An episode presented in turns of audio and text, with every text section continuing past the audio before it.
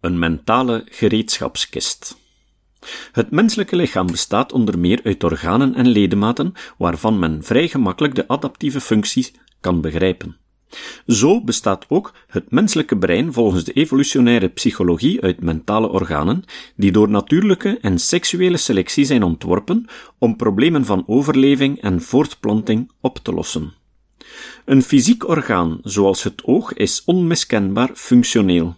Het voert een welbepaalde gespecialiseerde opdracht uit, namelijk het opnemen en doorgeven van informatie die door lichtstralen tot ons komt. De huid, het reuk-, gehoor- en smaakorgaan voeren een analoge opdracht uit, maar zijn gespecialiseerd in het verwerken van andere vormen van informatie. Organen zoals de longen, de lever, het hart en de nieren zijn eveneens functioneel. Ook zij voeren gespecialiseerde taken uit, waarbij het ene orgaan de taak van een ander orgaan niet kan overnemen. Zo kan de lever geen visuele informatie opnemen en kan de huid het bloed niet rondpompen. Het enige gekende mechanisme dat voor de ontwikkeling van zulke gespecialiseerde biologische werktuigen verantwoordelijk kan zijn, voor zover ze met de overleving van het organisme te maken hebben, is natuurlijke selectie. Oplossingen voor problemen die aan voortplanting zijn gekoppeld, kunnen het product zijn van seksuele selectie. Natuurlijke en seksuele selectie brengen geen werktuigen tot stand die zo algemeen zijn dat ze uiteenlopende taken kunnen uitvoeren. Specialisatie is dan ook de regel, zoals we in de hele levende natuur kunnen waarnemen. De voornaamste reden waarom natuurlijke, algemene werktuigen niet bestaan, is dat er geen algemene adaptieve problemen bestaan. Ook in de culturele sfeer laten problemen zich onderverdelen in verschillende deelproblemen die sterk van elkaar verschillen. Wie bijvoorbeeld voor het probleem staat dat hij een huis moet bouwen, ondervindt al snel dat hij niet één algemeen, maar vele tientallen specifieke problemen heeft, die elk afzonderlijk een gespecialiseerde oplossing vragen. Evolutionaire psychologen zien geen enkele reden waarom het menselijke brein in de loop van de evolutie op een andere manier dan de andere organen zou ontstaan zijn.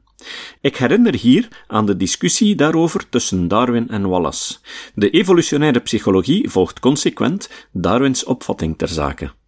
Net zoals in de rest van het lichaam treffen we in het brein gespecialiseerde adaptaties aan, die modules, mentale organen of geëvolueerde psychologische mechanismen worden genoemd. De evolutionaire psychologie wil die modules ontdekken, onderzoeken en begrijpen. Een gemeenschappelijk kenmerk ervan is hun specialisatie in het verwerken van informatie. De specialisatie op het lagere niveau betreft de aard van de informatie. Er bestaan onder andere modules voor informatieverwerking omtrent voedsel, sociale relaties, intenties van anderen, seksuele partners, het aangaan van coalities en het onderkennen van gevaar. De wijze waarop de respectievelijke modules die input verwerken, leidt mede het menselijke gedrag in banen.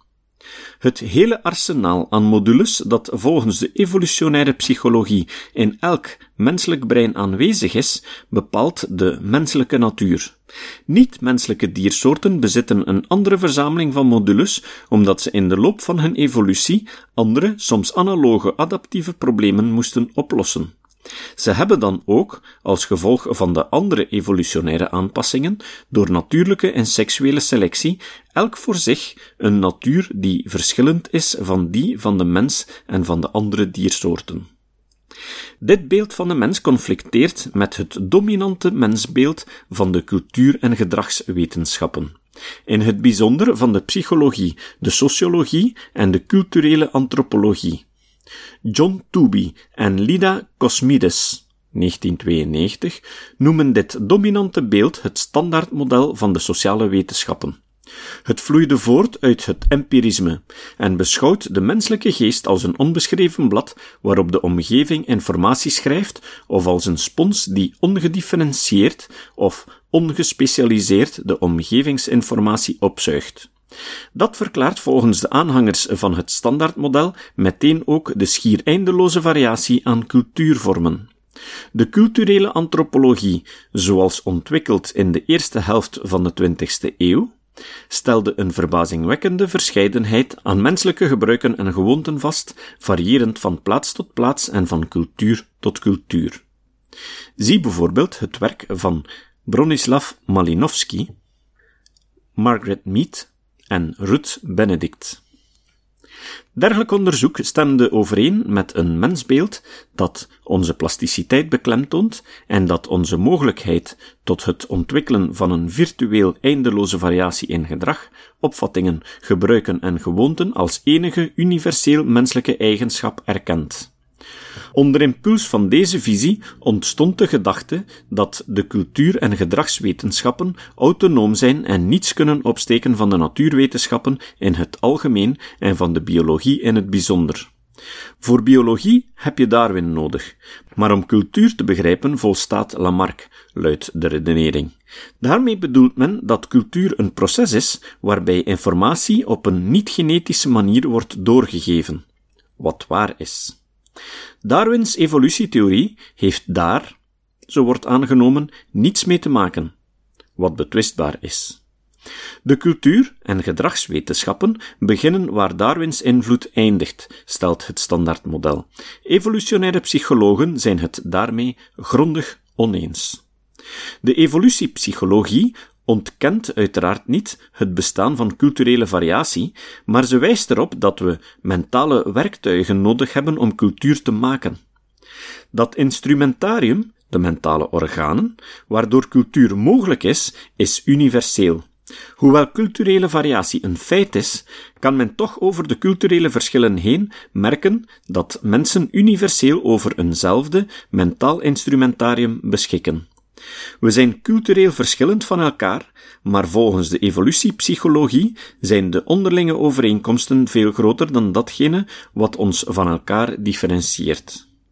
Zie ook D. Brown, 1991. Het menselijke brein wordt vergeleken met een Zwitsers legermes, dat onder meer een mes, een schaar, een veil en een blikopener bevat. Naar gelang de aard van het probleem gebruikt men een verschillend werktuig. Niet alleen valt de compactheid ervan op, maar ook de verschillende functies die het bevat. Een andere vergelijking die evolutionaire psychologen vaak hanteren en die het ontstaan van culturele variatie misschien beter weergeeft, is die tussen het brein en de gereedschapskist van een timmerman. In de kist bevinden zich verschillende werktuigen, zoals meerdere soorten hamers, schroevendraaiers, zagen, spijkers, een waterpas en een schietlood. De inhoud van de gereedschapskist van een timmerman lijkt sterk op die van een andere. Alle timmermannen beseffen het nut en de efficiëntie van het gebruik van gespecialiseerd materiaal, ontworpen voor een bepaald doel. Het is onhandig en onverstandig om spijkers in planken te slaan met een zaag. Alle timmerlui gebruiken daarvoor een hamer. Maar ondanks de universele inhoud van hun gereedschapskist, bouwen ze toch huizen in zeer uiteenlopende stijlen. De architecturale variatie is immens en ogenschijnlijk ongelimiteerd, net zoals de culturele variatie.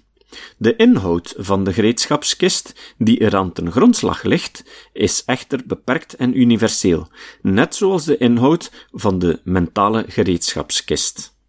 Het grote verschil is uiteraard dat door mensen vervaardigde werktuigen, artefacten, ontworpen zijn met voorkennis van het doel en de functie ervan. Iemand die een hamer maakt, weet waarvoor die zal dienen.